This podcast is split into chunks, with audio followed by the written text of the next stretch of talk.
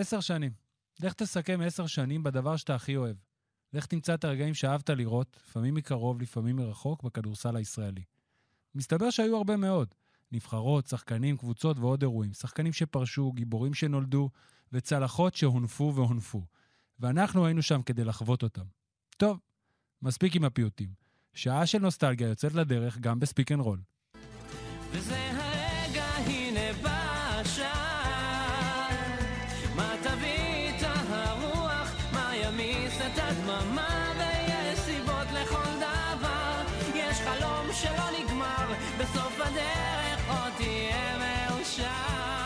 יום חמישי, 19 בדצמבר 2019. מי היה מאמין שבעוד מספר ימים לא גדול, העשור באמת נגמר?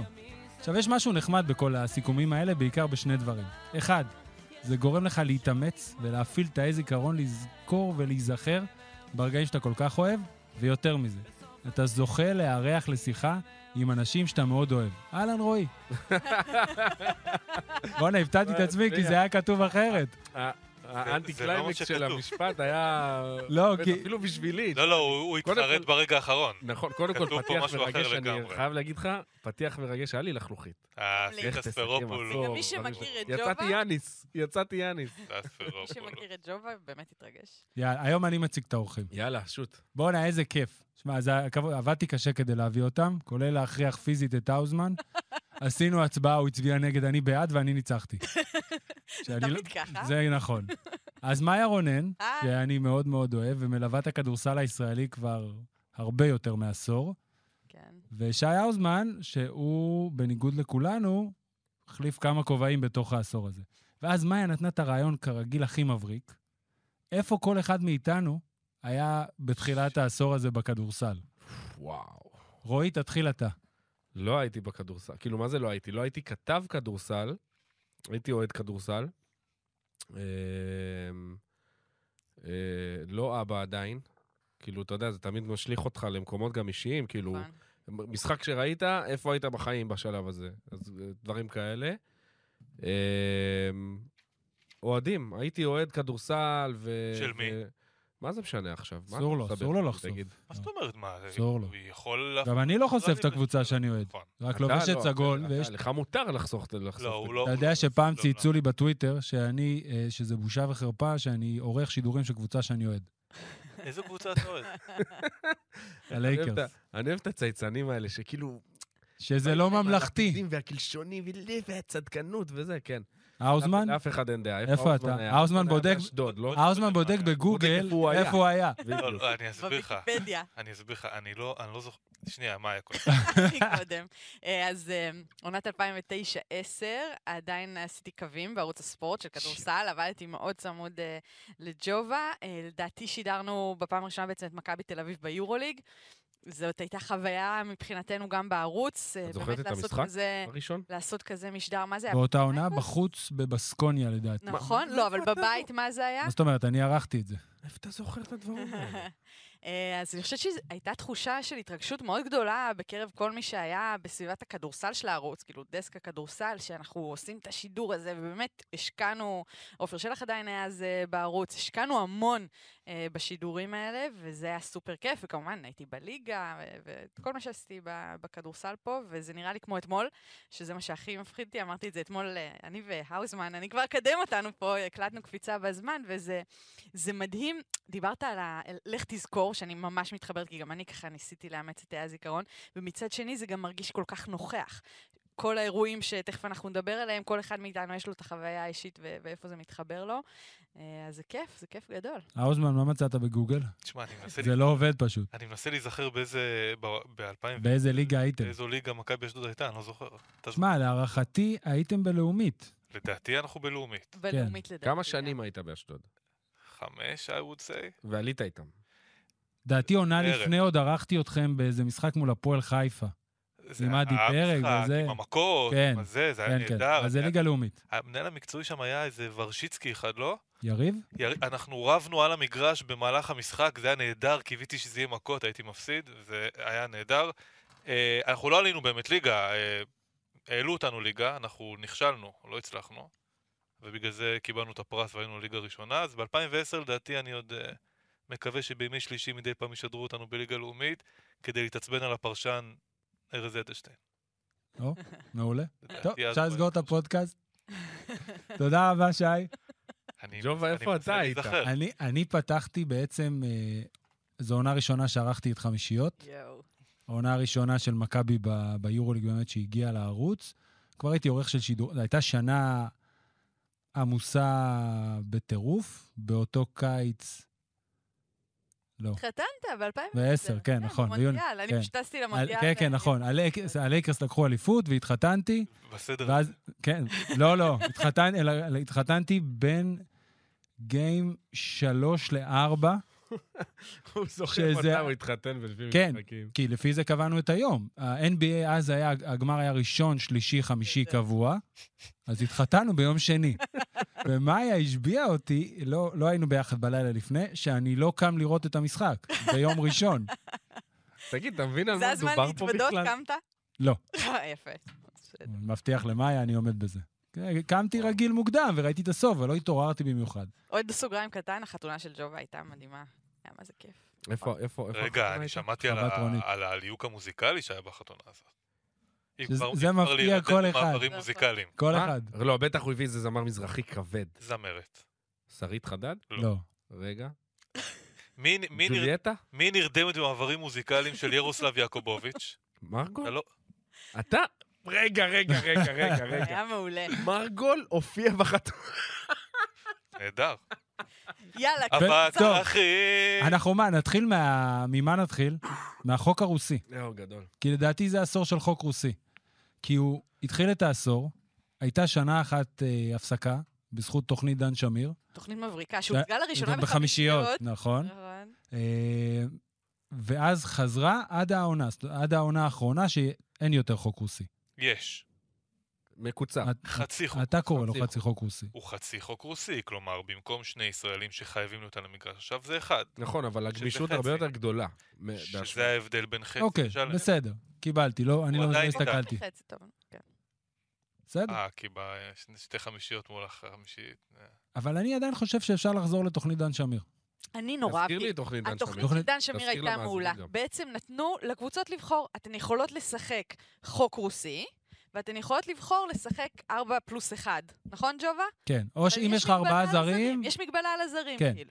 לא וזה- היית צריך ארבע פלוס רק, היו לך רק ארבעה, אה, אז לא, נכון, אוטומטית. אבל, אבל בעצם על הפרקט היו לך 4 פלוס 1, לי- לעומת ה-3 פלוס 2, כאילו, על אבל פניו... בח... הלכת עם ארבעה זרים. ואז אם רצית קבוצות חמישה, היו גמישות. שיחקת בחוק רוסי. המאמנים לא התלוננו, כי לא הייתה להם בעצם זכות להתלונן על, אה, על זה שהם מוגבלים, כי הם, הם הלכו יחד עם ההנהלה שלהם על, על העניין הזה, ובעיניי זה עבד מדהים. אה, אז זהו, זה כאילו על פניו, אוקיי, זה יכול להיות פתרון טוב, כי זה נותן בחירה לקבוצות ולראשי קבוצות, אבל תחשבו מה זה עושה לאוהדים, מה זה עושה לקהל. רגע, הם אומרים שנייה, שנייה, שנייה. זה היה חוק מטומ- מכבי חיפה מטומטמת. משחקת לא עם נכון. חוק רוסי נגד אה, למה? גליל עליון, לא, רגע, שבלי סליחה. חוק רוסי. אבל מה זה משנה לקהל?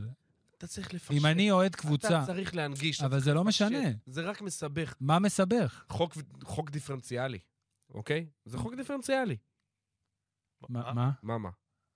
קודם כל, מה זה דיפרנ- חוק לא חוק דיפרנציאלי? לכולם, זאת אומרת, אתה תבחר. אה, לא, אני פשוט החוק לא יודע שונה בין זה אני, קבוצה אני דיפרנציאלי. בתור אוהדת זה לא סיבך לי שום דבר. לא נכון, גם לי לא. כן, אבל בתוך המערכת, אני יכול להגיד לכם שזה פשוט, זו, איוולת. עכשיו, אני מבין מאיפה זה מגיע, מאיפה הגיע הרעיון של דן שמיר, כי הוא ניסה לעשות, אה, לתת פתרון בתוך הכאוס הזה.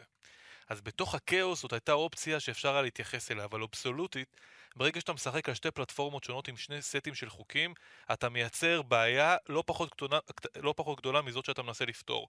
המקום שאנחנו מתקרבים אליו היום הוא מקום הרבה יותר טוב מהבחינה הזאת. כלומר, למעט העוד איוולת הזאת של שלושה זרים ובונוס, שאנחנו רואים כרגע עם מכבי אשדוד, עד כמה זה רעיון נוראי, כי אף אחד לא משתמש בשלושה זרים האלה, אלא כדי לשלם משכורות לעוזר המאמן, שאין, בסדר?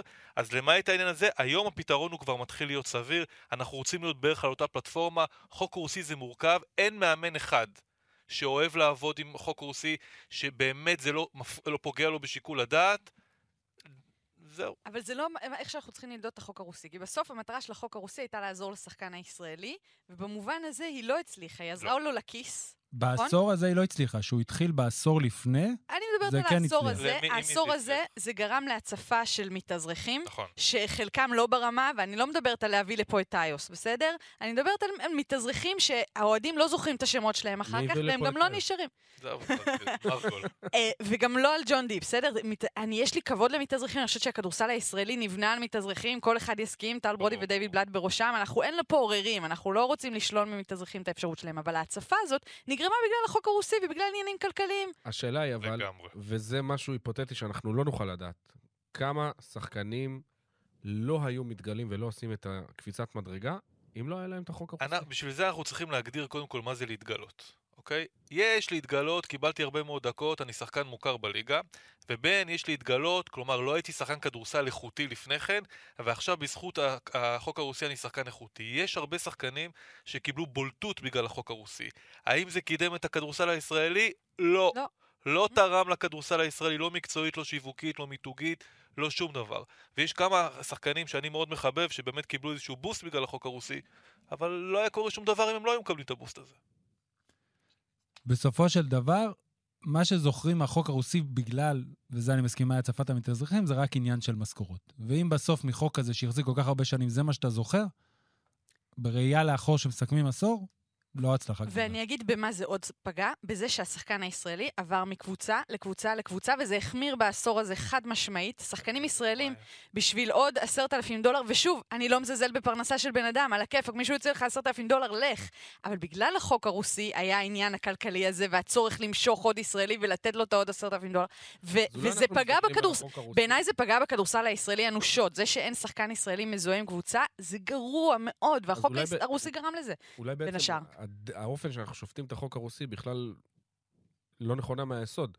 החוק הזה לא נועד כדי לקדם שחקן ישראלי ברמה המקצועית, הוא נועד לקדם אותו לא, מבחינת תנאי זה- עבודה. אבל זה מובן מאליו. כן. זה מי שלא אומר את זה, הוא הוא בסך הכל מתחסד. זה היה כן. ארגון עובדים, ואני מכבד ארגוני עובדים, שדאג לתנאים הסוציאליים שלו. אבל עוד, עוד דבר אחד, אם אנחנו הולכים למקום של רגולציה, והחוק הרוסי היה רגולציה, הבעיה הייתה שבגלל שקידמו פה רק אינטרס צר, לא הייתה רגולציה רחבה. כי אם לצד החוק הרוסי היו גם בונוסים לקבוצות כדי לשמור שחקנים, שזה אנחנו מטיפים לזה כבר כמה שנים, ומדברים על זה גם על הישראלים וגם על זרים, אז אפשר היה לעמעם, אפשר היה לצמצם את הנזק הזה, אבל אלה, זה, זה לחשוב, ולחשוב זה מעייף. אוקיי, עוד משהו שאפיין את העשור הזה, מלבד החוק הרוסי, זה שיטת הכרעת האליפות. כמה שיטות היו, אתם זוכרים בעשור הזה? היה פאנל 4, היה אה, בית חוץ הפרשי סלים, כן. היה משחק בודד. דונטה עדיין מחשב. כן, עוד עדיין אחד. עדיין, כן, כן, זה היה בשלב הזה, היה משחק בודד. ו-final four. וחזרנו לא, ל-final four. כן, אבל שלוש שיטות. שלוש שיטות. אז זה נכון. לא היה לנו סדרות, כאילו, לא לא לא הייתה סדרת גמר. נכון. התחלנו את העשור הזה ב-final four, עשינו איזה פאוזה למשחק בודד, אחרי זה ניסו שנתיים את הצמד משחקים וחזרו ל-final four. עוד דבר שחזר בעשור הזה זה סדרות פלייאוף. שזה מדהים, שזה חזר. כשהתחלנו, את ה- זה- זה מדהים להיזכר, בתחילת סדרות? העשור הזה, נכון. בעונת 2010 ו-2011, מה זה, ועל- את הבית הזה? כן, היה את בית ה- עליון, בית 2012, תחתון, לא היה היו זה. סדרות פלייאוף ב-1-8, כן. רק בקיץ 2012 החליטו, לא, בקיץ 2012, כן? רגע, באיזה עונה היה את הבית של הארבע? היו כמה פעמים, היו כמה ורסיות. כן, היו כל מיני. ורסיות. הייתה בעונת, בעונת 2013-2014 עוד היה 4 ו-8. נכון, ואז אחר כך נוצר איזשהו עיוות, ואז שזאת. שהגיעה מהבית של הארבע נכון, נורא ואז סבלה. הפועל תל אביב הפסידה במקום רביעי, הפסידה לאילת. במקום החמישי. כן, בדיוק. ואמרו שזה לא הוגן, כי אתה במקום החמישי משחק מול הקבוצות הפחות טובות שכבר נשארו ליגה כן. ומעביר את הזמן. כמה תעלולים היו בליגה? רגע, כמה תעלולים? באופן אישי, כן. היה עוד תעלול שאנחנו, אנחנו אז מכבי אשדוד, מאוד נהנינו ממנו, היה בית עליון ובית נכון, תחתון. 6 ו-6. שש ושש. אנחנו היינו בבית התחתון, מקום שביעי, וזה סגור. כלומר, לא הופענו למשחקים, עופר ברקוביץ' הלך לישון. אתה לא אם- תרד. לא יודע אם הוא עד עכשיו התעורר. שחקנים החלימו. גלבוע, שסיימה במקום השני, אכלה חצץ מדי מחזור. זה אותו לנצח, עיקרון. בדיוק. ואז הגיעה לסיבוב הפלייאוף. וזו הייתה הפעם הראשונה שקבוצה במקום השביעי מדיחה קבוצה במקום השני. אני מקווה שבעוד 20 שנה, כשנדבר עם הילדים שלנו על העשור הזה, אנחנו ניזכר באיזה איוולת זה היה שהפיינל 4 נמשך לאורך כל כך הרבה זמן. כאילו, כלומר, מה אני מקווה? שב-20 שנים הקרובות הכדורסל יהיה מספיק תחרותי כדי לייצר פה סדרות פלייאוף עד הסוף, שלא יהיו, ו- וכולנו גם זוכרים את הסדרות של תחילת שנות האלפיים שנגמרו ב-25 הפרש למכבי, אני לא מתחסדת פה, אבל מדהים. אני חושבת שהכדורסל התפתח וקצת השתנה מאז, וכן מסוגל לייצר סדרות. גם ראה ערך זה שמכבי תל אביב כן הפסידה פה בסדרת פלייאוף, וכולי. אני מקווה ש- שהכדורסל לא יחזור למקום הזה של פיינל אני פור. חושב שהפיינל 4, אה, הוא השיג את המטרה שלו בהקשר שהוא יצר אשליה של תחרותיות. זאת אומרת, בעשור הזה, מכבי תל אביב לקחה רק חמש אליפויות, חמש האליפויות האחרות, קבוצות אחרות, אבל זה- שונות. זה אליפות חסרת משמעות, והעשור הזה הבהיר את זה. כי גלבוע גליל, אוקיי, מה קרה עם הקבוצה הזאת? ראשון לציון, זה כל כך חד פעמי, כל כך ארעי, כל כך תלוי באם הבאת את את מדברת דריל על מונרו. אלופות הפיינל פור? כן. כן. אבל, אבל מכבי ראשון, בוא, בוא ניכנס לדוגמה, כי היא האלופות דוג... האלה. לא, אבל שנייה, אבל זה חייבים... למה אני רוצה להבדיל אותה? אוקיי. כי מכבי ראשון עשתה מסע מכובד, גם אם הוא נגמר בפיינל פור. היא הייתה בפיגור 0-2 בסדרת רבע גמר הפלייאוף מול מכבי חיפה. חזרה מפיגור 0-2, ניצחה את מכבי תל אביב בסל על הבאזר, ולקחה אליפות, אמנם בגמר פיינל פור, מול קבוצה שמארחת אותו. ההמשכיות, ההמשכיות לעונות אבל אחר באופן כך. יחסי הם המשיכו. נכון, אבל לא ראשון ברמת לציון זה תקציב. גם קבוצה שבאופן ברמת יחסי. היא מסורת פה. אוקיי, אבל, אבל הם כן המשיכו. רק דבר אחד, אני, אני חושב שהפיינל פור הוא רעיון, הוא רעיון רע והוא לא עזר אפילו לשנייה. ואחרי שאמרנו את זה, בוא נחשוב על מכבי תל אביב של היום, כפי שהיא נראית כרגע, ולמצב שאנחנו הולכים לשלוש סדרות, רבע גמר, חצי גמר וגמר, זה יכול להיות אסון. נכון. כפי שהיא נראית כרגע, כי עושה רושם שמכבי תל אביב תפסה כזה מרחק כרגע משאר הליגה עם כוכבית של הפועל ירושלים, שעדיין צריך פלייאוף. תראה, פיינל פור, אני חושב שהוא התחיל, גם אם הוא רק ייצר אשליה של תחרות, תחרותיות, היו חייבים אותו. כי השנתיים האלה, גם, גם השנה, 2003-2004 למשל, לפני 15 שנה, עונה עם שתי קבוצות איכותיות בטירוף. הפועל תל אביב של ארז אדלשטיין, מכבי תל אביב אלופת אירופה. ברגע שזה הגיע לסדרה, מהמם. הפערים היו עצומים. שנה אחרי זה, האליפות של שאול אייזנברג, אליפות המקום השני, וקלווין גיבס. בהפועל תל אביב. זה היה נורא. והיו צריכים אותו, זה נתן תחושה. אף על פי שגם אם היום תגיד שהאליפות של הפועל חולון ב-2008 היא אליפות חסרת משמעות, אבל גם אם הייתה סדרה, אני מוכן לחתום לך הייתה שהפועל חולון הייתה זה בדיוק מה מנצחת. שרציתי להגיד. אני נכון, כי הייתה קבוצה טובה בליגה, אז נכון. 3-0 על מכבי. אבל אם, אם אתה שואל אותי מה עדיף, הפיינל פור או הבית חוץ, שהיה שנתיים, אז פיינל פור. כי זה אירוע, אם כבר אז תעשה נכון. מזה אירוע. אם לא, אבל טוב שחוזרים לסדרות. אני חושב שאם אתה מסתכל על האלופות שהיו, גם חולון 2008, אבל גליל 2010, עשר, נכון? זה בעשור הזה 2010, חיפה 2013, 13. כן, 13. ירושלים 15-17, וראשון 16. כולן, היה להם מה למכור נגד מכבי תל אביב בסדרת גמר. אני לא יודע אם היו לוקחים, אבל זה לא היה סוויפ. היו, קבוצ- הקבוצות האלה היו קבוצות טובות. קבוצות טובות שהאליפות הזאת הגיעה להם, לא בגלל הפיינל פור, לא בגלל משחק בודד, אלא כי הן היו קבוצות כדורסל טובות. אבל בסוף זה יהיה, זה, זאת תהיה אליפות שהושגה במשחק אחד, וזה גם קידש את כל העניין הזה של הארעיות בכדורסל הישראלי. בוא נגנוב איזה זר בפברואר, חד משמעית. בוא נחרטט איזה מאמן במרץ, בוא נעשה איזשהו... הג'ף רוזנים של העולם, שיש לנו הרבה מאוד כבוד אליהם, לגבי חלק מהדברים שהם עושים, אני חושב שהפיינל פור קלקל אותם. מהמם. אני חושב שג'ף רוזן שהגיע אולי עם איזשהו ticket אמריקאי, שאני הולך לעשות דברים by the book, הוא נהיה יותר שכונה ומזרח תיכון מכולנו, ובין היתר בגלל השיטה הזאת. שהיא אז- שיטה אז מה קורה עכשיו? ספורטיבית. אם מה שאתה אומר מתרחש, ויש סדרת פלייאוף, רבע גמר, חצי גמר, גמר, מכבי תל אביב משייטת. אנחנו בנויים, גם כאנשים שמסקרים את המשחק, גם כאוהבי המשחק ואוהדים, אנחנו בנויים עכשיו לאיזה ארבע שנים שמכבי לוקחת ומתחברת בפלייאופים ומשייטת בהם? אבל למה לקחת את זה כדיפולט? לא, אני שואל, אני לא שדי... הלוואי, אני לא יודע אומר- אם זה אומר יקרה. כאילו אני מציג אופציה. כן. אני. רוצה להאמין, אוקיי, בוא, בוא נהיה ריאליים. כמו שזה נראה כרגע, סדרת רבע גמר וחצי גמר מול מכבי תל אביב, אם לא יקרו דברים אה, מפתיעים, מכבי תל אביב לא מפסידה משחק וגם לא מתקרבת. אבל אני רוצה להאמין שהפועל ירושלים מסוגלת אני לעשות רוצה הכל. להכניס לזה עוד משהו שקרה בעשור הזה ולחבר אולמות חדשים. כלומר, ארנה, טוטו, חיפה, אולמות גדולים, מרשימים, טובים. דרייבין. דרייבין כמובן, ברור. אה, זה גם משהו שקשור לסדרות. ברגע שיש לך אולם ביתי בהנחה, ושוב, וכל קבוצה יכולה לבוא בטענות לקהל שלה, וביתי מספיק. ולא מספיק, בגדול, כשיש לך אולם כזה, זה גם כוח מול מכבי תל אביב. כי ל- לארח בהדר יוסף, או לארח ב- גם במלחה הגועש, זה לא אותו דבר כמו ביד אליהו. נכון, וגם קהל זה מגיע גם יותר. משפיע. זה נכון. גם משפיע על נכון. סדרות. היה בייבי בום של אולמות. אני- בייבי בום של אולמות, ולדעתי זה הדבר הכי משמעותי שקרה בעשור הזה בסופו של דבר. כאילו, האולמות הגדולים לקבוצות הגדולות, כי זה איזושהי תקרה שאי אפשר לשבור אם אין לך אולם גדול. אוקיי, מסכים לגמרי, אבל בוא נדבר על השנה-שנתיים האחרונות. האם מגמת הקהל פה היא בעלייה? אני לא בטוח. כלומר, אנחנו נמצאים במגרשים עכשיו, אנחנו רואים מה קורה בירושלים וגם ובמקומות. אחרים. גם בחולון. אני, יש לי תחושה שאנחנו ב... רגרסיה. רגרסיה ובתקופה לא טובה של הכדורסל. אני לא חושב שזה רגרסיה, אני חושב שפשוט נעמדנו. כי היה, הייתה קפיצה מאוד גדולה עם העולמות החדשים, ובמקביל גם הקבוצות הצליחו. זאת אומרת, ירושלים באה משלושה גמרים ברציפות, חולות, חולון עד העונה הזאת היו בשלוש עונות שכל שנה ניצחו יותר ויותר ויותר, ולכן הייתה עלייה ועלייה, ועכשיו יכול להיות שזה קצת יעמוד. יכול להיות שגם עוד אחד מהדברים שהתווסף זה כמות השידורים. שזה, כן. שזה אנחנו. יש הרבה מאוד שידורים, יש אנשים שמעדיפים להישאר בבית. מה, אם עכשיו אתם צריכים לבחור סיפור, את אומרת שזה האולמות? אני חושבת שזה הדבר... זה סיפור. זה לא סיפור, אני לא, אני חושבת שאלתי, אבל אני יודע שזה לא הסיפור, אני רוצה שהיא. תענה לי סיפור אחר. אני רק מנסה לדבר עם מאיה. אז אני יכול הוא ללכת. בא לפה אני- בשביל מאיה, אתה לא הבנת? אני יודע שהוא בא לפה בשביל מאיה. כולנו באנו לפה. בשביל מאיה.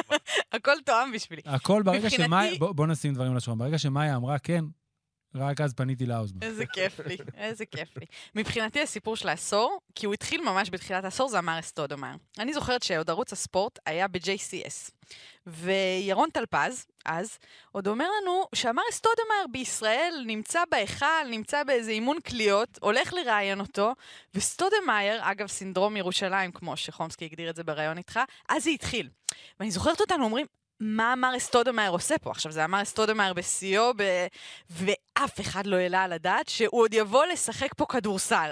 וגם כשזה כבר כמעט קרה, זה שאמארה סטודמאייר, שיחק פה כדורסל, היה ישראלי ו- ו- ולקח אליפות עם הפועל ירושלים וכל זה, אני עדיין, זה נשגב מבינתי לראות אותו ככה, את ה vision שלו, הוויז'ואלים האלה. מטורפים. כן, זה אני חושב זה- שזה מייתר את הסיפורים זה היה די. הזוי. אני- לא, לא, לא, למה אתה כאן? אני אוסיף אנקדוטה על... עשר שנים. אני אוסיף אנקדוטה על אמארה, משחק ראשון שלו בירושלים ביורו-קאפ ב-2015. נכנסים לחדרי הלבשה לקחת צינקים, ביורוליג זה ככה. אז התעכבתי קצת, אה, נראה לי עם בר תימור, דיברתי עוד קצת וזה, והוא בינתיים הלך להתקלח. ואז אה, מנהל של קבוצה ירושלים אומרים לי, יאללה, קדימה, לצאת.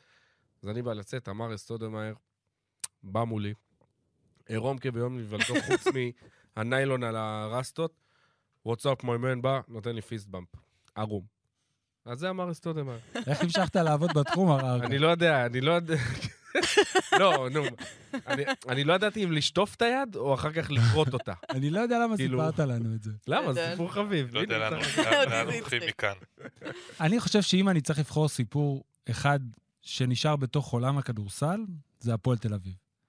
כי הפועל תל אביב מכילה בתוך הסיפור הזה כל כך הרבה גורמים, מהחזרה שלה וסיום כל המסע שהיא עשתה מקבוצת האוהדים לליגה ב', ליגה א', ליגה ארצית, כל התחייה מחדש. העלייה לא דרך השולחן הירוק, שהיה להם מאוד חשוב, אם כי אני מודה שבזמנו לא הבנתי מה הסיפור. יש לכם פה, המקום שלכם בליגה הוא, זה הפועל, זאת הפועל תל אביב. ובכל זאת נשארו עוד עונה, וארז אדלשטיין חוזר. והמנצחים, בד... כל ה... הייתה להם את החולצה הזאת עם הריבועים, כן. והאבי. זה, זה משהו שהם... הוא חריג פה. כי גם אין לך, לצערי, הרבה קבוצות עם, עם קהל כל כך גדול, ושעוקב אחרי ועובר את הקבוצה, וגם המסע הזה, אני במקרה, אני הייתי אמור להיות בהפועל אוסישקין. זאת אומרת, בכתבה בחדשות הספורט, בעודפים? לא, לא, לא מה- מה זה בעודפים. להיות? לשחק? כן, לשחק. שפתחו את הקבוצה, זה היה קיץ 2007, אם אני זוכר נכון. אימון ראשון, בכורה רשמי, מגיע צוות של חדשות הספורט, מצלם וזה, אני הייתי באימון. גדול. אבל אז באימון השני נתקעתי בניידת, ובאימון השלישי נתקעתי בחדר עריכה באיזו כתבה שביימתי. אז אמרתי לאורי בזמנו, אמרתי לו, תקשיב, זה לא מתאים. הוא אומר לי, עזוב, מה אכפת לך, ליגה ב', תבוא רק למשחקים. אמרתי לו, עזוב, חצי עבודה זה לא בשבילי. כן, וה- זה נשמע לנו זה מוכר. נשמע ג'ובה. כן, וה, וכל המסע הזה, ואז האולם הביתי. עכשיו, כמובן שתמיד יהיו ותמיד היו ביקורות אוהדי הפועל תל אביב, ואני לא רוצה להיכנס לזה, אבל כל המסע הזה, וכל החזרה, ואחרי זה לצערי, וכל הטרגדיה עם אורי, וכל עיבוד גם הדר... יש שם את כל המרכיבים של סיפור כל כך גדול, אפילו לא שמנו לב, בתוך הסיפור הזה שלפני שנתיים הם הגיעו לפיינל פור. עכשיו, בתוך עונה שאתה מסתכל על זה, אתה לא שם לב, אתה אומר, הביאו דני פרנקו, והיו זרים, והצלחה, שנה אחרי זה לא הצלחה. אתה שופט את זה באותו רגע, עכשיו פתאום אתה יושב, ואתה מסתכל על עשר שנים, אתה אומר, בואנה, מה שהפועל תל אביב עשו, זה באמת דבר מדהים. זה לזכותם, אבל- ו... אבל דווקא מה שאתה אומר, בשבילי מחדד את החלום ושברו. אני התחברתי מאוד לחולצה הזאת. אני, אני מתרגשת בקלות מהדברים האלה. אהבתי את זה, ואני מכביסטית, אהבתי את זה, זה היה יפה, וגם היה משהו, ההד- ההדרגתיות הזאת, והניצחון הראשון בדרבי וכולי וכולי. ואז, ואני חושבת שגם אולי המוות של, של אורי גם זה- קשור זה בזה, השברו האמיתי. זה שברו. ההתנהלות של הפועל תל אביב, הפוטנציאל שהיה לקבוצה הזאת, לעומת איך שהקבוצה הזאת נראית, פעם אחת פיינל פור, זה מה שהם עשו. לנס ציונה יש הישגים יותר טובים מלהפועל תל אביב, שהיא לא, גם לא, עולה לא, חדשה. לא, לא, לא, לא, זה לא. הם לא הגיעו לשום מעמד חצי גמר פיינל פור או גביע נס ציונה.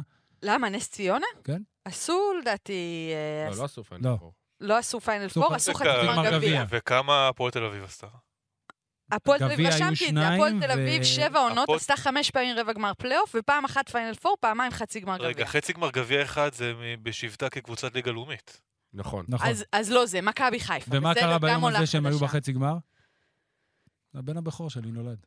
7 בפברואר 2011. הפועל תל אביב לא מיצתה את עצמה, והיא כאילו עשתה את הכל נכון, הביאה מאמנים, וניסתה, ו- ו- ונייט רובינסון. צודק. כל זה רק בצד המקצועי, ומעבר לצד המקצועי, שזה כן. לחלוטין ככה, ומה שהגיע כאיזשהו אידיאל, ממש, אוטופי.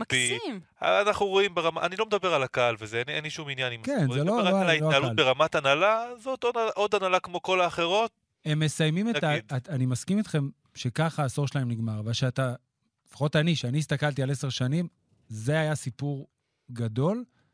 אנחנו תמיד זוכרים את הסוף, אבל כשאתה נכנס לתוך הפרטים, אתה מבין אה, שזה מסע שהוא חריג בנוף הכדורסל שלנו. אני חושב שמה שמונע מהפועל תל אביב אה, לפרוץ קדימה, ומעבר למבנה של זה קבוצת אוהדים וזה תקרת זכוכית כלכלית, שעד שלא יבוא מישהו, שזה עניינים אובייקטיביים שאני לא נכנס אליהם, אבל אני חושב שמה שיעזור להפועל תל אביב לפרוץ קדימה זה העניין של להתנער אחת ולתמיד מתחושת הנרדפות הזאת. שכל דבר שקורה בכדורסל זה הישראלי עכשיו, נראה לך משהו שהוא בר... אה, יכול להיות שלא. יכול להיות שלא, יכול להיות שזה חלק מה-DNA. לי יצא לשבת במשחק של הפועל תל אביב, במשחק שבו הגיע אה, רוכש פוטנציאלי להפועל תל אביב מחו"ל, מארצות הברית. באיזה שנה זה היה? לא מזמן. לפני כמה שנים, לא אוקיי. הרבה שנים. והוא ישב שם, והוא ביקש שאני אתרגם לו את השלטים. ושלט אחד שאולי באמת צריך תרגום זה 100% אנטי מכבי. הוא אמר לי, אני לא מבין, מה זאת אומרת, ככה הם מגדירים את עצמם? הוא לא קנה אותם בסוף. לא יודע אם בגלל זה. לא, אבל. אבל זה בסדר. זה- זהות של קבוצה זה דבר אחד, ואם לבעלים או לרוכש הפוטנציאלי זה לא מתאים, זה בסדר. אבל באופן כללי, ברגע שהפועל תל אביב נסו להתנער מתחושת הנרדפות הזאת, וכל דבר שקורה בכדורסל הישראלי, קורה לי עם שיחות עם, עם אנשים של הפועל תל אביב. דברים שקורים בכדורסל הישראלי, ישר הם משווים לבית דין שלהם ולעונש שהם... הם לא היחידים בזה. ולדברים שלהם. כן, הם- לא- הם לא לא- לא-. חריגים. אז אני אומר, אבל חריגים. אתם בוא, לא בוא, מרכז בוא העולם. נחשוב על ה... אני מסכים איתך בזה, אבל תחשוב על האלטרנטיבות, או אלה שרואים בעצמם אלטרנטיבות האחרות, הקבוצות האחרות, שלא רק הפועל תל אביב, זה שיח שאנחנו שומעים גם מהם. בסדר, זה שיח ישראלי. זה, זה לא, זה, אני לא חושבת שזה מה שמגביל את הפועל תל אביב. שוב, העניין המקצועי שם לא, לא, לא נפתר, הם לא עשו את ה step-up. עכשיו, אם יש קבוצה שתגדיר את עצמה בטח כקבוצת העשור, לפני שנגיע לעשור של מכבי תל אביב בכדורסל הישראלי, אני מניח שזאת תהיה הפועל ירושלים. שני תארים, אליפות ראשונה, בעצם יותר משני תארים, שלושה תארים, בלי- אני שם שנייה את גביע לפני בצד, סליחה. שתי אליפויות, גביע, באמת אליפות ראשונה, והארנה, ו... והמפץ הזה של להביא את יותם אלפרין, גם אם לא ישירות ממכבי תל אביב, ואחרי זה ליאור אליהו ממכבי תל אביב, דונטה. ו... והכל. הם כבר הרבה שנים מדברים, אנחנו מס- מסקרים וכולם מדברים על הפועל ירושלים כקבוצה השנייה בכדורסל הישראלי. ובעשור הזה יש גם קבלות. ואני אני מתאר לעצמי שאם שואלים אותם, הם קבוצת העשור. אני לא יודע אם הם קבוצת העשור, אני יודע שהסיפור של אורי אלון הוא סיפור העשור בעיניי מובהק. טוב, אז אני לא אבחר בזה. כן, לא, הייתי באלימינציה. לא, כן, לא, אז כן, אז... עם מה נשאר? אני חושב, כן, אה. לא, לא, לא המון, אבל כן. אני חושב שזו פעם. ראשונה שהגיע לכאן אה, בעלים ומשקיע. אה, גם, נדבר גם על זה שהוא עזב גם יחסית מהר, אבל אה, במונחים של חיים של קבוצת כדורסל. אבל הגיע לפה בעלים ומשקיע שאתגר את מכבי מהרגע הראשון, ברמה המקצועית, ברמה של איכשהו, ברמה המיתוגית של איך שהוא מנהל את עצמו, עם האופי והפוזה הזאת שלו, עם המעיל אור שהוא היה נכנס והולך כמו איזו אבו עלי בארנה, והסמיילים, והתמונה עם דונטה סמית, והוא הביא משהו שכל כך לא שייך לכדורסל שלנו, בקטע טוב אבל, זה משהו שאתה יותר רואה בעולמות של... אפילו אולי, אתה יודע, אגרוף וכל מיני פרומוטרים צבעוניים כאלה, דברים שאנחנו לא רגילים לראות, וזה עשה טוב. קודם כל, אורי ו- אלון התחיל כמו איזה תסריט. הנער שהיה בטריבונות מאחור ועודד, עשה את המכה שלו באמריקה, הגאון הגדול, מ- מיליארדר, וחוזר לקבוצה שלו. בהתחלה, כשעוד לפני גם שהכרתי את הדמות של אורי אלון, אמרתי, יואו, זה הוא יישאר פה לנצח, זה מה שיקרה, ואיזה סיפור מדהים זה לב... כ- כמי שאוהד את הפועל ירושלים בכלל בכ- בכדורסל. ולאט לאט זה הגיע גם למחוזות האלה, כמו שאתה מתאר אותם. ואז זה גם הגיע למקום שאני חושבת שבו הפועל ירושלים סוגרת את העשור, ואני חושבת שזה התחדד ברעיון שלך עם חומסקי, שהיא הבינה שכל עוד שאין יורוליג, היא פתאום הבינה שאין לה את היורוליג. כי כל עוד אין ארנה, אז אוקיי, אולי זה כי אין אולם ביתי עם מספיק מקומות וזה. ואוקיי, בוא ננסה דרך טורניר הכניסה רגע לפני, אה, לא הצלחנו, ו- ונעשה, וניקח את היולב, ואנחנו ניכנס לשם. ולדעתי הם הבינו ש, שזה לא קורה, וזו, זה רגע משבר במובן מסוים. לא את שהם שוברת את כל החלומות פה היום. אבל- חלום ושברו, חלום ושברו, אבל- חלום אבל ושברו. זה- רגע, רגע, אזהרת קידום.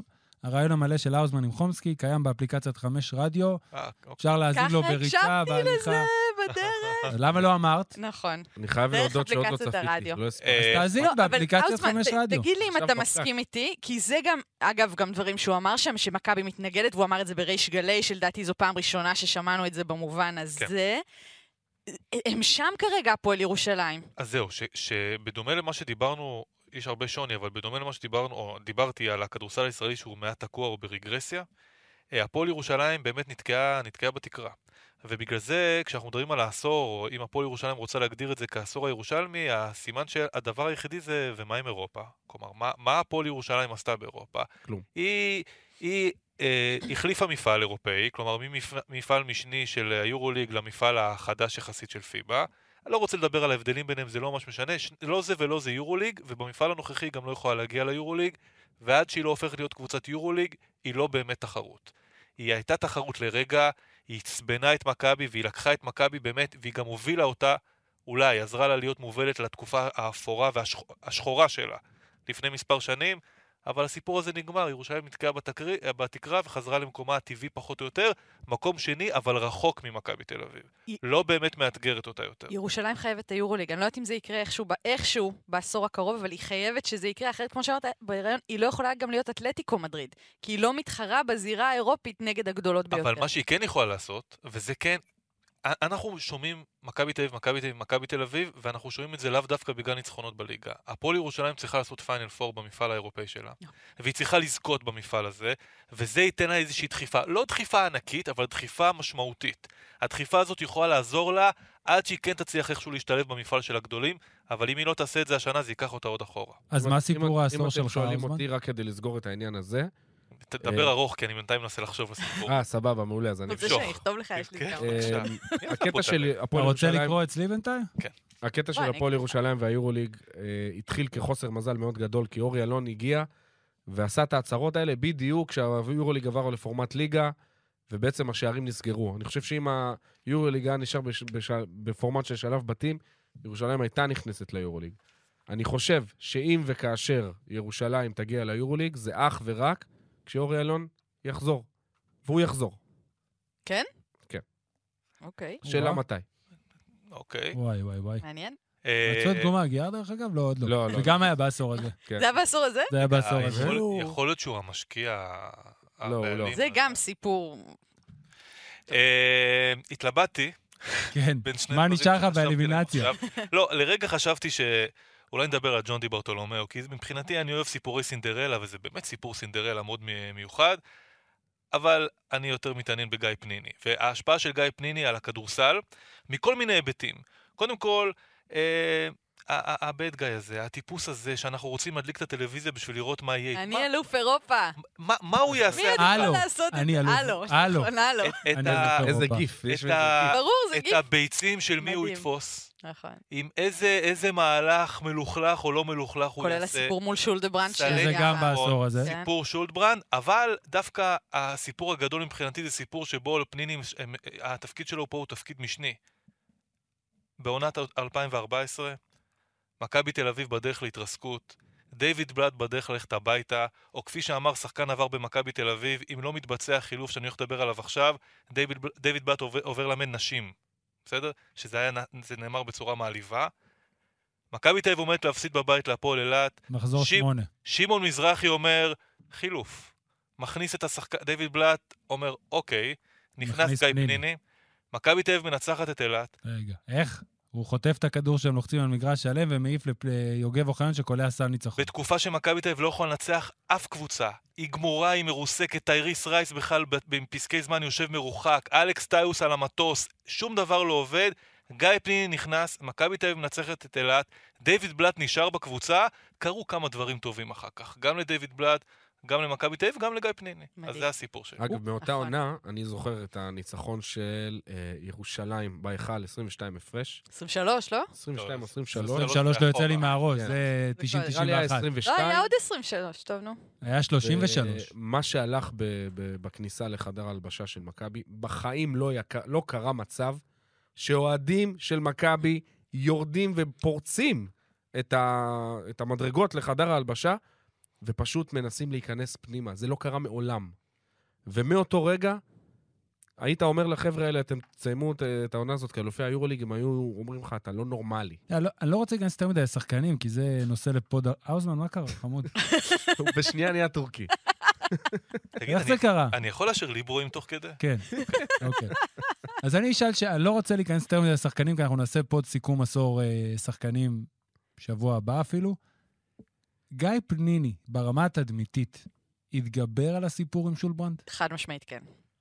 כי- הסיפור של חולון, קודם כל, זה שהוא הצליח גם אה, למצוא את עצמו מחדש בחולון. אני חושב שזה רק בזכות הסיפור של חולון. אוקיי, אז, אז הנה, אז תמשיך איתי בתור מי שככה מרגיש את חולון אה, גיא לעומק, כי אני פניני- חושבת שזה זה. אם גיא פניני היה נשאר במכבי תל אביב, זה היה נצרב לו, יחד עם האלו אלוף אירופה, מהמם. וכל הדברים שאנחנו מדברים עליהם עכשיו בהקשר חיובי, של לתפוס לו בבית, אבל אתה לא יכול עם סאונד, האוזמן, כי זה מפריע לי. זה בסיילנט, טוב, אני נאשר. אתה מבין, זה לשידור שלו.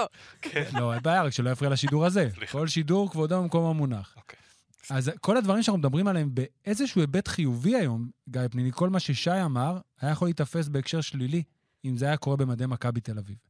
אבל המעבר שלו לקבוצה אחרת, שזה הסיפור האמריקאי הקלאסי, מישהו שגמור, שמכבי תל אביב ייצגה שעושים אה, מהפך, והוא כבר לא שייך לזה, והוא עשה בלאגן טעות וכאלה, גדולה שלהם. והוא הלך טעות. להפועל חולון, שזה לא מקום שאוהבים את מכבי תל אביב, ספורטיבית אני מדבר עכשיו יותר מדי. שיש לא מס... סיפורים כבר עוד מהימים שישראל אלימלך ב-85 החטיאו איזה משחק עם צימרמן שקלט עשה ניצחון, זה משהו עמוק. הוא בא, אוהדי חלון לא ידעו איך לכלול את זה. והוא היום השחקן הכי פופולרי בחולון. מהמם. יותר משלומי? רגע, הוא כבר. יחד עם אה, שלומי. הוא כבר החליט? הוא עוד לא החליט. עוד לא החליט מי לא המאמן? הוא החליט, זה כרגע לא עובד פשוט. למה אתה מסבך אותו? לא, לברון פניני. וזה באמת, אם זה לא היה, אם הוא היה הולך לקבוצה אחרת, שהיא לא כזאת גדולה עם קהל גדול, הוא היה דועך, והיינו זוכרים דברים פחות טובים. השינוי הזה, שהוא בא, אני זוכר שהוא בא בעונה הראשונה בחולון למשחק במכבי תל אביב, בהיכל, ואמר, הזמן לא עובר פה על הספסל. הוא פתאום ראה את זה אחרת, וכל הדברים נבנו, והמועדון הצליח, והגביע, ועוד סיפור, וגלן רייס, והחיבוק שאחרי בחצי גמר שעלו לגמר. ונתקעים ורגרסיה. נתקעים ורגרסיה? מי נתקע נתקעים ברגרסיה? ורגרסיה. העונה הזאת, בחולון. חולון גם נתקעת. ורגרסיה. אחרי שלוש שנים, עם 69 ניצחונות. זה בסדר לעצור גם. אתה יודע, אני אוהב לצטט, ציטטתי פה בפודקאסט לדעתי את זה יותר מפעם אחת, את דן שמיר. שיצא לי לדבר איתו, והוא אמר את זה גם בריאיון כמאמן הפועל אילת, בכתבה לחמישיות. החיים של מאמן זה לא מעלית. אתה לא כל הזמן מטפס ומטפס ומטפס. Hmm. לפעמים אתה עוצר באיזה קומה ומחכה, ואז אתה עולה עוד פעם. אני חושבת... זה בסדר כן לעצור. מעלית. לא? מה לא? במעלית אתה עולה, יורד לפעמים. לא, בגדול. במעלית אתה מטפס למעלה. זה דיפרנציאלי. אבל- זה דיפרנציאלי. מזכיר לי את, אה, מעלית דווקא. מבחינתי סינקה שנה, דנטה הוא האינטגרטור שלנו, כן. נכון? כן, זה אינטגרטור. פאנק. טוב, אז- על- דונטה סמית אנחנו נדבר בפודקאסט לא, זה בלי שחקנים. נכון? כן, לא, זה בלי שחקנים. מה בירמן? זה פרק משל עצמו. השנה של נייט זה פודקאסט שחקנים. האוזמן, מה? ת- תן לי איזה ענק... סיפור, אני זהו, אני תן, גמור. תן, נו, תן סיפור. מה, מה, מה, איזה... אני רוצה לשמוע, כן. כי האמת לא יצא לי לשמוע את זה. למה היית עם. זקן צרפתי? בדיוק, אחד. אה, האמת ששמעתי את זה אתמול, את כן. התשובה, אני לא בטוחה שהוא רוצה לחשוף אותה זה בשידור. קשור בסנטר כפול. שתיים, את העניין הזה של מה שעשיתם באשדוד. בתור עולה חדשה, וזה היה באמת מדהים, אם, אג- אגב, כאמור, סיימתם מקום שביעי וכולי, איך זה הרגיש לך? כי כמה שנים קודם, כמו שאמרת, תחילת העשור, לא הייתם שם. אה, בעונה לפני שעלינו... תזכיר מה היה התפקיד שלך. מנהל מקצועי. בעונה לפני, ש... הזכרתי, בירמן. בעונה לפני שהפלנו ל... בעונה האחרונה בליגה הלאומית אנחנו נכשלנו. ובהמשך לכישלון אני אמרתי, די, אני לא, לא מסוגל יותר, יש לי עבודה וחיים ומשפחה, ואני עובד בזה 24 שעות ביממה, אני לא רוצה, ביי, שלום. ואז פתאום עלינו ליגת על, אחרי שלא הצלחנו. ומה שקרה, בגלל שאנחנו היינו האחרונים, זה היה היתרון הכי גדול שלנו. כל הסגלים היו גמורים. ומי שהיה בחוץ חיכה רק לנו. Hmm. אחד מהאנשים שחיכה בחוץ היה מאיר טפירו. עכשיו, מאיר טפירו לזכותו ייאמר, שלמרות שלא הייתה לו אף קבוצה, אף אחד לא רצה אותו, הוא סיים אה, קדנציה לא טובה במכבי ראשון, אף אחד לא רצה לגעת בו, הוא ניהל איתנו משא ומתן כאילו הוא מלכת היופי. זה היה משא ומתן בלתי נסבל, אני אומר לו, אבל מאיר, אתה לא תשחק כדורסל. אז אני לא אשחק כדורסל. עד שהוא הכניע אותנו במשא ומתן, הדבר היחידי שהתעקשנו אותו במשא ומתן, זה היה עולם הפוך. אני אמרתי לו שאני לא מוכן לחתום על חוזה אם הוא לא לשנתיים. היושב ראש שלי אז אמר לי, אתה חייב להפסיק לשתות. כאילו, מה אתה מסנדל אותנו עכשיו לשנתיים? הבן אדם גמור, הוא הרוג. מה אכפת לך? אז ניפול לשנתיים. החתמנו את מאיר, אה, עשינו כמו מועדונים גדולים, ורק אחר כך החתמנו מאמן. רק עוד סיפור אחד בעין הזה, באודישנים של...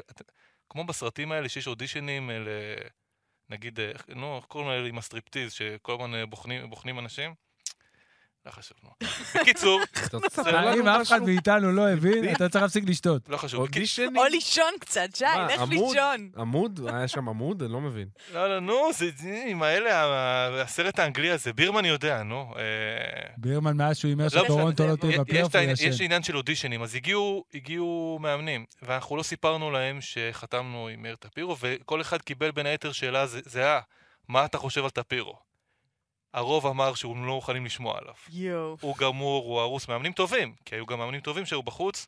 עופר ברקוביץ' בא, תשובה לשאלה הראשונה הייתה, כן. סיפור מעולה. העבודה שלך.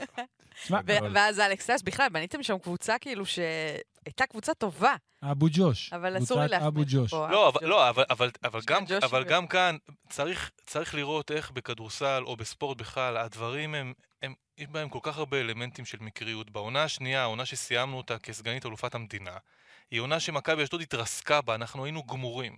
הפסדנו משחק אחר משחק, אני נכנסתי לחדר הלבשה בשביל לצרוח על שחקנים, ושלא אכפת לכם ולא זה, ואנחנו היינו מיואשים, איך הייתי רוצה לראות אותו צורך ויתר- על... ויתרנו על מי בבקשה. שמבחינתנו היה השחקן הכי טוב שלנו, שזה רמל ברדלי, כי גם נכנסנו לבעיה כספית. הוא שמישהו הלך כבר- לירושלים. כן. שמישהו כבר ייקח אותו. אז אה, שרון דרוקר כמאמן הפועל ירושלים לקח אותו, ואמרנו, טוב, אולי איכשהו נצליח לו להישאר, אה, כאילו לא לרדת ליגה. הבאנו איזה מתאזרח מהולנד, איזה רובי בוסטיין. מזוולה. ואז כאילו, שחררנו את רמל ברדלי. במשחק הראשון, אחרי שהוא שוחרר, שיחקנו נגד מכבי תל אביב ביד אליהו. הוא בא ביציע עם משקפי שמש בשביל לצחוק עלינו, וניצחנו.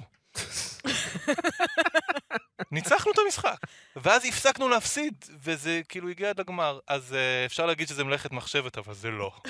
אז זה דווקא, אפרופו טפירו, אפרופו עופר ברקוביץ', זה מחבר אותי לקבוצה שמבחינתי מסיימת את העשור כמי שעשתה תהליך גם ארוך טווח, זה נס ציונה. נס ציונה סך הכל נכנסה לליגת העל ב-2013-2014, וגם היא עשתה את הדרך, עולה חדשה. הייתה איזו תקופה, חמש שנים ראשונות של העשור, תמיד הייתה המרעננת הרשמית. אהה. זה, זה כל פעם הייתה נתניה, ואחרי זה באשדוד, ואז נס. ציונה נכנסה, וחיפה עם האליפות, ותמיד רצינו, זה היה נוח שיש איזה darling כזאת. ונס ציונה מתחילה, עונה ראשונה, עלתה ליגה, לא הייתה, אין איזו היסטוריה עצומה מאחוריה, מנצחת את מכבי תל אביב, אחרי איזה שנתיים יורדת ליגה, מתמודדת עם משבר, עולה מיד, עכשיו היא באירופה. זאת אומרת, ברגע שגם לקבוצה הזאת יהיה אולם קצת יותר גדול, יש פה תהליך אה, של, בניגוד להפועל תל אביב, שזו קבוצה עם מסורת שפשוט מהתוכנית היא סטתה הצידה, נקרא לזה, קבוצה שעשתה מסע יפה שכבר חמש שנים, ויש לה סמל. אין הרבה קבוצות פה עם סמל, יש כולה שתיים. אני כתבתי פה נס ציונה קבוצת העשור שלי. עכשיו, ברור שהיא לא קבוצת העשור של הכדורסל הישראלי, ושמי שלא חי את הכדורסל הישראלי לא באמת מכיר את נס ציונה וכולי. אבל מבחינת מה שהיא עשתה פה בעשור הזה, קודם כל, הם הביאו שחקנים טובים לא דיברנו על זה לרגע, כן, לא מתואם. לא דיברנו על זה, אבל זה, זה, זה כתוב, literally. גם לי. אה, טיילר הניקאט, הקבוצה ההיא הייתה קבוצה כיפית, ברסטון נוז, מביאים את דקואן קוק, ג'ף וויטי, כוכב הכתבה האחרונה בחמישיות. לקחו. לקחו גם, ידעו לקחת את שחקני הליגה הטובים שהתגלו במקומות אחרים, דיימון סימפסון ו- ומיטשל וואט, והכל התחבר. החיבור עם טפירו, אגב, מה שהאוזמן אמר קודם, ש- שהתברר כמציאה, ועד החתימו עכשיו... אותו לשנתיים. כן, והחתימו לשנתיים, ועכשיו הוא גם המנהל המקצועי כמובן. וגם ההמשכיות עם נדב זילברשטיין, שזה כל כך לא מובן מאליו פה, נכון, הוא פוטר לרגע וחזר וכולי, אבל אני כל כך מסכימה איתך שכאיזשהו מודל לקבוצה קטנה, קהילתית, שיש לה בסופו של דבר את הקהל של נס ציונה, זה מקסים בעיניי, וזה זה בדיוק מה שאנחנו מצפים מקבוצה בדרגה של נס ציונה, ומשחקת באירופה ונהנית סך הכל. ו- ויש לה סמל. חיבור עם הקהילה. נכון? ואני חושב שנס ציונה היא המודל לאיך שהקבוצות הבינוניות אצלנו צריכות להיראות. בדיוק. ככה, העניין הוא שלא בטוח שיש עוד הרבה מקומות כמו נס ציונה, עם קהילה כזאת שבאמת רוצה לעטוף ולחבק את המועדון שלה. נכון. וגם שם, השלב הבא עבורם, אנחנו דיברנו על זה בעבר, חייבים אולם יותר גדול. לפני זה- שנגיע למכבי, כי עוד לא אמרנו מילה. נכון, לא, הנה, ללכת עד הסוף, אני... ל Full Monty, זה אה, הסרט. מונטי עם הגברים והסטריפטיז. ואז היה אוקיי. שם את האודישנים האלה, הם אה, אה, באים, אחד מטפס על הקיר, אתה אמרת ואחד... סטריפטיז, לא אודישן, זה לקח אותנו. לווגאס ועמודים. היה עכשיו אני מבין, אני. מודה שעכשיו אני מבין למה אתה מדבר על כדורסל. כי בשאר הדברים אתה מדבר שטויות. גם בזה. לפני שנגיע לענייני מכבי תל אביב. אני רוצה לדבר איתכם על ענייני המאמנים. כי אני מרגישה שבעשור הזה לא צמחו פה מספיק מאמנים. כי אני אגיד לכם למשל מי צמח בעשור הקודם. דן שמיר, דני פרנקו, גיא גודס, דרוקר בעשור מאוד חזק, הקודם, קעטש כמובן, בית הלחמי. בעשור הזה מי צמח פה? באמת, כ- כמאמנים כאילו, טוב, ד- נדב זילברשטיין שנמצא עונות אה, קונסיסטנטיות. ליאור לובין היה, אלפסי. הלך, אלפסי זה המאמן ואלפסי. היחידי. זהו. אולי קטש לא. עשה קצת לא, step-up. קטש מאמן? לא, לא, אבל מ-2004-2005. קטש היה step-up הכוונה. לא. עזוב שנייה step-up, אני מדברת מאמן שתקע יתד בכדורסל, זה רק- לא קרה. זה רק אלפסי, כי נדב, הוא בא מלמטה עם הקבוצה שלו והמשיך איתה. נכון. הוא לא עבר לא, לקבוצות אבל מה אחרות, לא בדק. אלפסי, אתה יכול להגיד שהוא תקע יתד בכדורסל הישראלי בעשור? בין בטח 2000 שכן. ל-2010 הוא אלפסי לא אימן בליגת העל, לא, אם- ומ-2011 לא, עד רגע, שנייה. 2000... נתניה, תגדיר נהריה. את ה... בואו רגע נעשה את התנאי קבלה. מאמן. שאימן אה, מספר עונות במהלך העשור הזה. את רוב העשור. אני הסתכלתי, אני אז- הסתכלתי ב- באתר של המינהלת, אז יש שם את המאמנים עם פחות מ-50 משחקים, ויש מאמנים עם יותר מ-50 משחקים. אז אני, בוא ניקח מאמנים עם פחות מ-50 משחקים שצצו פה לאורך העשור, אוקיי? אז אלעד חסין של איזה ש... שנייה ורבע דיברו עליו בתור איזה משהו ענקי. מודי מאור, אוקיי, בסדר. ברק פלג, מאיר טפירו, שלא הצליח לעשות את הטרנזישן הזה, לפחות בינתיים, ללהיות אה, מאמן. אה, כל הרועי חגי, מתן חרו, שכאילו היה להם לרגע כאילו את ההזדמנות, והיו יכולים לעשות את זה, נגיד סטייל אלפסי, ולא עשו את זה. זה לא קרה, לא צמחו פה. שמוליק כי- ברנר. ויותר מזה, עכשיו בסיטואציה שכשמאמנים נמצאים כרגע על השיפוד, על הגריל, ואנחנו מסתכלים ימינה ושמאלה, אומרים, אוקיי, מי יחליף? אין. מי שנשאר להחליף זה הגוורדיה הוותיקה. נכון, הגוורדיה הוותיקה שהיא ב- חזרה בעשור הזה, שהיא לא נכון. הייתה בעשור הקודם. צביקה לדעתי שעדיין רואה בעצמו מאמן. נכון. זהו, רק שניהם, אבל דרך אגב. אפי לא, כבר אבל, אבל יצא זה מהלופ. מבאס שלא צמחו פה מאמנים, ושוב, אני משווה לעשור נכון, הקודם, שכן בסדר. צמחו מאמנים חדשים, שמיר, פרנקו, השאלה היא, אבל- קטש. את צודקת, אבל אני לא יודע אם כל עשור יכולים לצמוח גם מאמנים, כי המאמנים האלה בעשור לפני היו ממש צעירים. אבל אני רוצה... ועכשיו הם נטעו את רגליהם בתוך הזה, שזה לצורך העניין באמת דני פרנקו ודן שמיר וקטש.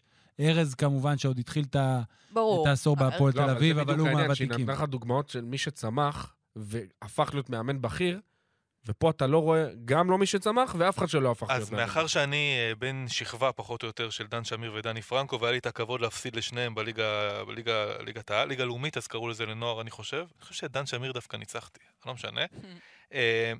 הם היו studs, כאילו, מגיל צעיר, הם היו מאמני נבחרת קדטים, מאמני נבחרת נוער. אני חושב שדן שמיר היה עוזר מאמן נבחרת קדטים כשהוא היה בגיל קדטים, פחות או יותר. לא, לא, הוא מהרגע לא היה ש- בגיל קדטים, אבל לא מהרגע היה שהוא זה. חזר מארצות הברית עם הכלב פיטינו וכל נכון הדברים. האלה, הוא כבר היה שם, הוא היה... רגע, רגע, רגע, לפרנקו יש כלב בשם פיטינו? לדן לא, שמיר לדן היה- שמיר. לא יודע אם... היה, היה. וכשהוא חזר מארצות הברית, הוא באיזה גיל, לא יודע, למה אתה מופתע? 20, הוא היה המנהל המקצועי של... מחלקת הנוער של הפועל ירושלים. ודני פרנקו, אני אומר לך, לשחק איתו בליגה לנוער, זה היה סיוט שאין אני הייתי שחקן באותה ליגה מול דני פרנקו וכל ה... סיוט. הוא ידע כל ילד, ילד, כי זה מדובר בילדים, מתי יש לו אה, טיול שנתי, מי רב עם חברה שלו, והיה קובע את, המשחק, את המשחקים בסיוט, וגם אי אפשר היה לנצח אותו. בקיצור, הם, כלומר, הדרך שלהם הייתה סלולה, הם היו כוכבים. אני פחות מכיר כרגע את, ה- כרגע את הליגה לנוער, אבל אני לא רואה כוכבים שם. אז זה מה שאני אומרת, שזה איזושהי בעיה אולי של הכדורסל הישראלי. אין, אין את הסטאצ החדשים האלה, כבר עשר שנים בטוח לפחות. שזאת בעיה. זה, Mhm. מבחינתי, אם אני צריך לסמן, זאת אומרת, היה פער גם בכישרון. זאת אומרת, היה את השני שנתונים האלה שפתאום פרצו. יש מבחינתי כמה שנתוני זהב. מהמם. שנתון זהב הראשון, שלפחות אני יכול לזכור ברמה שלי, זה שנתון 74, 73, שזה עודד קטש, דרור כהן, גור שלף, האחים בלול, אורן אהרוני, דורון שפר. אה, אחרי זה עוד היה 75 טפירו ויואב ספר בשיפולים. למה אתה מסתכל עליי ככה? לא, אני, אני, כאילו, איך אתה זוכר את הדברים? אני לא מבין את זה. הוא לא... ואז, אני- לא ואז אנושי. הייתה איזו עצירה והגיע שנתון 80. בורשטיין, ו-81, וגרין, ובורשטיין, ויצחקי, ואפיק ניסים, ושמוליק ברנר, ושחר גורדון, ומשה מזרחי, ומתן נאור, וארז כץ, ואפיק ניסים. ואיציק אוחנון. ואז הגיע... הוא? איזה- name dropping הוא דפק. הוא סוכן משהו, בורסה נראה לי. באמת? כן, הוא היה בא למשחקים, של אחיו. עוד אימנתי אה, אותו. הוא אה, היה איתי בתיכון, שנה לפניו. לא, זה הוא בסדר. אבל אגב, עם. המאמנים אני נזכר עכשיו שהעניין הזה הוא מחזורי. איפשהו בתחילת שנות ה-80 היה הגל הראשון של מאמנים מאוד צעירים שהחליפו את הגוורדיה הוותיקה. צעירים, פיני גרשון, אפי. מוישל, אה, צביקה. צביקה ישר היה מטאור וקיבל... גם. כן. הם גם אבל בגיל צעיר מאוד מאוד. צעיר, אבל 30, בגלל זה מה שאני אומר, אם 27, הוא תקחי את העשור- מכבי, 30 מאמן אבל מה, אם. תקחי את העשור שאחרי, גם שם לא צמחו מאמנים, כי הם אימנו הרבה שנים. רגע, אבל אני לא סיימתי את האנלוגיה שלי. קדימה. נכון. תסיים את האנלוגיה. תסיים. ואז מהשנתון של יותם וליאור ו-84-5, עד באמת, עד יובל זוסמן וכל אלה, הייתה עצירה. וברגע שאין עצירה, לא צומחים שחקנים. אז זו בעיה. אבל שאין מאמנים, זה עוד יותר גרוע. רק רציתי להגיד שאני מסכים למאמנים, וסיבכתם אותי עכשיו בסתם לזרוק אבל- 150 אבל זה שמות. מחבר אותי, ב-150 שמות שאתה נתת, כמה מהם עשו את ה- עשו את הדרך להיות מאמנים? אנחנו כאילו, כבר לא רואים את זה. השחקנים פה לא רוצים להיות מאמנים. וגם מי שרוצה וזה- לא מצליח. טפירו לצורך העניין, ששחקן העשור שעבר זה? וכולי. זה- אבל זה לרוב. שחקנים גדולים לא הופכים להיות מאמנים מוצלחים. גם זה נכון. לא משהו זה גם חדש נכון, חוץ בכל ענפי מקטש. הספורט. אבל אתה מצפה. שתהיה טרנספורמציה. קטש אבל לא עשה מעבר ישיר. קטש היה לו חמש שנים, ארבע שנים, שבו הוא עדיין האמין בכל ליבו שהוא יחזור ויהיה שחקן. הוא היה די-ג'יי. כן. היה די.ג'יי, היה שחקן סטור, אבל הוא האמין שהוא שחקן. Mhm. עד אותה מסיבת עיתונאים ביוני 2004, אני צייר בלי צבעים, כן. שחודש אחרי הוא חתם בגליל עליון והתחיל לאמן. וזה מעבר, זה דומה. אבל חוץ מאוד מזה, מאכזב אותי שהוא לא זוכר באיזה תאריך מדויק. איזה צבעים הוא התכוון? לפנדה או למה? הוא לא פירט. זה אני, שבתור שחקן לא אהבתי את עודד קטש, מה? כן, סוליסט, לא הגיע... כן, זה-. אבל תבין, זה... הכישרון זה- הגולמי הכי גדול שהיה. לא זה קשור, לא מה משנה, הקשר? אנחנו, אי אפשר שלא אנחנו היינו? תחת האסכולה הזאת של ה... לשחק את הכדורסל הנכון, ואם אתה לא שומר ולא זה, אנחנו שטפו לנו את המוח במשך שנים. אני, אף אחד לא שטף לי את גם המוח. לך שטפו את המוח. אף אחד לא שטף לי את זאת המוח. הגדולה בשטיפת מוח, שאתה לא מודע לזה בכלל. אוקיי. אני... מה, רק בישראל, מה, אגב. כי אני לא אוהב את קטש בתור לא, שחקן? אין מדינה אחרת בעולם. נראה לי שלך שטפו את המוח. אין מדינה אחרת בעולם שבה שחקן שהוא כזה סקורר, אתה יודע, נגיד, אם אוסקר שמיט היה בישראל, היום, אה, איזה אגואיסט. לא נכון, אני לא יכול... מה זה הדבר? למה הוא לא שומר? תגיד. את- אני למשל, אני לא אוהד מכבי, אבל דורון ג'אמצ'י, שחקן ששנאתי אותו כי הוא ניצח כל הזמן את הקבוצה שלי, אבל אי אפשר שלא להתלהב משחקן כמו דורון ג'אמצ'י. כי הוא היה קבוצתי? איזה קבוצתי? לא היה אז למה קבוצתי. עודד לא? קבוצתי. זה מעצבן אותי. כי הסיג... לא יודע, לא התחברתי, מה עודד, הסיפור? אפשר. לסגור את אפשר- הסוגריים? כן. אפשר- אפשר, אה, המסיבת. עיתונאים הזאת, עודש קטש. עודש? קטש, עודש. אז המסיבת עיתונאים זה. פעם ראשונה שהתחברתי לאיש שיש משהו, לא רק הסגנון הסוליסטי הזה, זהו, זה הייתה, אתם מפריעים לי בכל אנקדוטה. הוא לא יזמין יותר. יותר אני לא מזמין. שיט. מכבי תל אביב. מכבי תל אביב. יאללה, וואו. איך, במשפט אחד, מישהו יכול לסכם לי את העשור של מכבי תל אביב? לא. לא במשפט. ב- ב- ב- אש- אני לא, קורא לזה אשליה אופטית. אוקיי. כי אתה בתחושה, עד לפני שנה, אם היינו מסכמים את העשור לפני שנה, היית אומר, "אה, מכבי לא הייתה בעשור, ולא היה זה, ואיבדה תארים והכול, אבל בסופו של דבר, חוץ מארבע שנים, מכבי תל אביב שלטה בכל העשור הזה. אתם יודעים מה היה המאזן שלהם בעונה שהם הפסידו את האליפות ב-2009-2010? לא. אתה יודע. היה מצוין, זה היה... 26 משהו אומר ניצחונות והפסד. אחד. כן. הם דרסו פה את הליגה, והמאזן הכולל שלהם היה ככה. בארבע, בחמש עונות הראשונות, המאזן שלהם היה 141 ניצחונות ו-21 הפסדים. ואז הם נעצרו, אנחנו פשוט מאוד זוכרים לדעתי את עונת 16-17, שהם סיימו עם 14 הפסדים בליגה, מקום רביעי בעונה הסדירה. לא קרה מעולם למכבי תל אביב, תחושתי גם לא יקרה. אבל הם מסיימים את העשור באותה דומיננטיות. אותי מה שמעניין במכבי תל אביב זה שלל הנרטיבים שהם ניסו לצייר בתוך הכדורסל הישראלי במהלך העשור הזה. כי העשור הזה התחיל עם אנחנו חוזרים לישראליות, מביאים את ליאור אליהו חזרה מבסקוניה, אני זוכרת את דיוויד פדרמן מאוד מתלהב מזה. אחר כך גל מקל עם כל המאמצים, אולי בניגוד לעניינים מקצועיים אחרים, מביאים את גל מקל, אנחנו ישראלים וזה. אחר כך שינו לחלוטין את הנרטיב והלכו רק על קבוצה של מתאזרחים, ולא מעניין אותנו הישראלים את תעודת זהות הכחולה, כי זה התאים להם, כי לא היו שחקנים אולי מספיק טובים למה שהם רצו, ועכשיו אנחנו שוב הישראלים, כי יש לנו את כספי וזוסמן ועבדיה. הם הולכים על הספינים, על הנרטיבים, שלא לדבר על רעיון הפיצול האווילי, שאף אחד לא חשב שזה באמת יקרה, ואיכשהו מכבי רצה איתו במשך חצי שנה. גלדסון כן, עדיין כן. חייב לי ארוחה על זה, אתה יודע. גם לדעתי, אה. גם לדעתי. כי ביום שהם הכריזו על זה, אני זוכר, אנחנו דיברנו על זה כל הזמן, אמרתי לך, זה לא קורה, והם... אז מה שמעניין זה הנרטיבים שמכבי תל אביב ניסתה ליצור לאורך העשור הזה, בהתאם לסיטואציה ש... היא הייתה בה. בוא, בוא נדמיין שהפודקאסט הזה, אם הוא אי פעם יסתיים, בוא נדמיין שהפודקאסט הזה יתקיים לפני שלושה חודשים. בסדר? שלושה חודשים. בוא, בוא נתעלם עכשיו מ... לבינתיים, כי זה נראה לי כבר שייך לעשור הבא. עשור הבא. אז, אז בוא נתעלם מהריצה הנהדרת של ספרופולוס ומכבי תל אביב וזה, כי זה באמת, זה לא משקף את העשור. העשור הזה יש בו כוכבית אחת וזה לא ספרופולוס. הכוכבית משתלבת עם הסיפור מקודם עם גיא פניני ודייוויד בלאט והריצה. אה, עד הזכייה ביורוליג. זה עשור לא טוב של מכבי תל אביב. היא קבוצת העשור בארץ כי... לא, אנחנו לא יכולים לבחור קבוצת העשור בארץ. אז, אז אני לא בוחר, אבל אם הייתי בוחר, אז היא הייתה קבוצת העשור בארץ, כי זה מה שיש, ועדיין מתמטית היא זכתה בהכי הרבה תארים. אבל מכבי תל אביב, שנה אחרי שנה, כל פעם נלחמה את המלחמה שהיא הפסידה בשנה שלפני. הייתה קבוצה של פצועים, אז החתימו בריאים, אבל דפוקים בראש. ואז שנה אחר כך הם החתימו שחקנים שהם לא דפוקים בראש. אבל אין להם מושג. אבל הם לא היו בעמדות הנכונות. וכל שנה וסיפורים, ו- ו- וזה נראה היה רע. הפיינל פור לדעתי רק באמת העצים את הסיפור הזה. זו הייתה שנה שבה נדמה, עשור שבו נדמה שהמותג הזה נשחק עדק, ואז הגיע יאניס. סיפור המאמנים במכבי סופר מעניין בעשור הזה. זה עשור אולי עם תחלופת המאמנים הגדולה ביותר אה, בוודאות. שהייתה, בטח אה, אותה עונה, כאילו ש...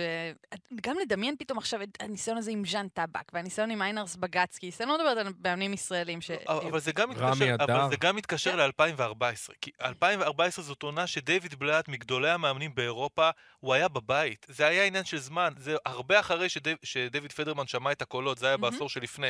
אבל זה כבר, הוא כבר היה גמור. בלאד הגדיר את עצמו כברווז צולע. הוא היה, והוא היה ברווז צולע, ואחר כך גיא גודס, כמאמן מכבי תל אביב, זוכה בגביע המדינה, ומה שיש לדויד פדרמן להגיד לאחר מכן, זה שיגיד תודה שהחתמנו לו את ג'ו אלכסנדר על הפרצוף שלו, למרות כן. שהוא לא רצה. מכבי תל אביב, היא בזה למאמנים שלה, היא לא רצתה אותם, היא רצתה שהגוורדיה שלה היא זאת שתקבל את הקרדיט.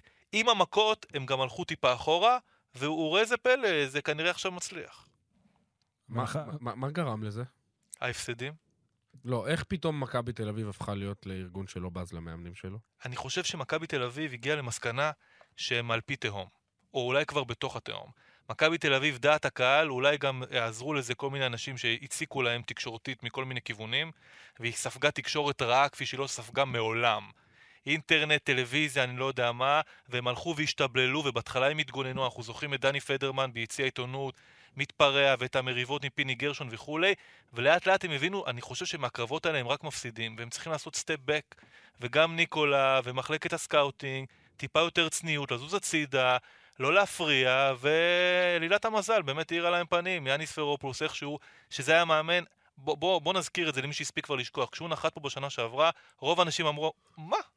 יאניס פרופוס דיבר עם אנשים בישראל שאמרו לו, תגיד, אל תבוא לפה, אנשים שמבינים כדורסל, אתה תתרסק. המועדון הזה רעיל, אסור לגעת בו, ומה לך ולכל האמריקאים האלה? אתה יכול להסתדר רק עם פרינטזיס. בינתיים הוא מסתדר גם עם אחרים. מסתדר לא רע עם אמריקאים.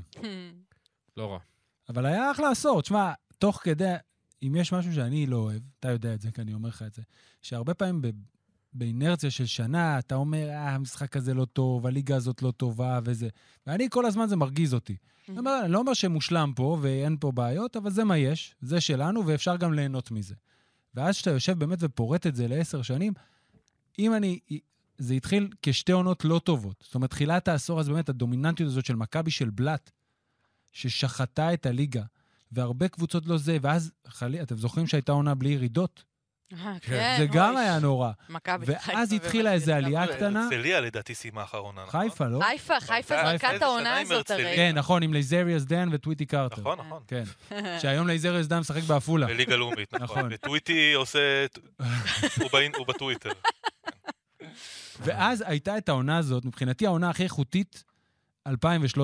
העונה שמכבי לקחה את היוליס, זה מכבי חיפה עם דונטה סמית בעונה הראשונה שלו, הדורסנית. וזה הפועל תל אביב עם קרלון בראון ורביב לימונד. והפועל ירושלים שתמיד מעמידה קבוצות טובות, ואז נס ציונה שעולה. והייתה שם, ואז זה קצת התחיל לטפס, ובסך הכל היו אחלה עשר עונות. מה הרגע הכי מרגש? לי יש רגע. גם לי יש רגע. אני חושב שבזכייה השנייה של נבחרת העתודה, פה, עכשיו, בקיץ האחרון רק, אה, אתה מדבר כל הכדורסל בטח. הישראלי? זה כן. אני חושב שאנחנו צריכים להתחיל מחדש. כן. לא, רק, אה, כאילו, אם מדברים על רגעים, אני בזכייה השנייה של העתודה הייתי בדמעות. פה בארץ אצלנו זה היה מרומם רוח ברמות שקשה לתאר. אני יודע מה הרגע של ונראה לי שאתה ראית אותי על הפרקט וכשאלת, הסתכלת עליי בקטע של... אתה בכית? בכיתי. נכון? בזתי לך ו- והרצתי אותך כ... אני יודע מה הרגע שלו. מה? זה שקיבלתי אותך לחמישיות. נכון. אז גם שלי. אפשר גם? לא, אבל את, אני לא קיבלתי אותך, אמרו לי כך. לא, אבל זה לא נכון, זה עוד הרבה לפני. זה הרבה לפני. זה היה רגע שזה, שקיבלת אותי לאוף-טיובים. נכון. אחרי שנפגשנו בקניון רמת אביב. שם. בפינה, כן. כן. נכון. אני הרגע שאני... תשמע, לא יודע אם דמעות, אני לא זוכר. זאת אומרת, לא היו דמעות, כי הייתי באמצע. זה הגביע של חולון. היה משחק כזה דרמטי, והסל של גלן רייס, ואי אפשר לצאת מאיפוס. אי אפשר. מישהו צילם אותי, ו- וכאילו חשבו, זה לא נראה שאני אוהד הקבוצה. זה החלק הכי מבאס בעבודה שלנו. זה לא מבאס. לא מבאס אותי. אותי, לא אומר אה, זה. זה לא מבאס אותי. אתה לא יכול באותו רגע לחיות אותה. אבל אני אוהב אה, את העבודה שלי. רגע, לא הבנתי. אני- אתה עדיין אוהד של קבוצה, אל תגלה מי. לא, עזוב, אני אני אומר, שואל אותך שאלה.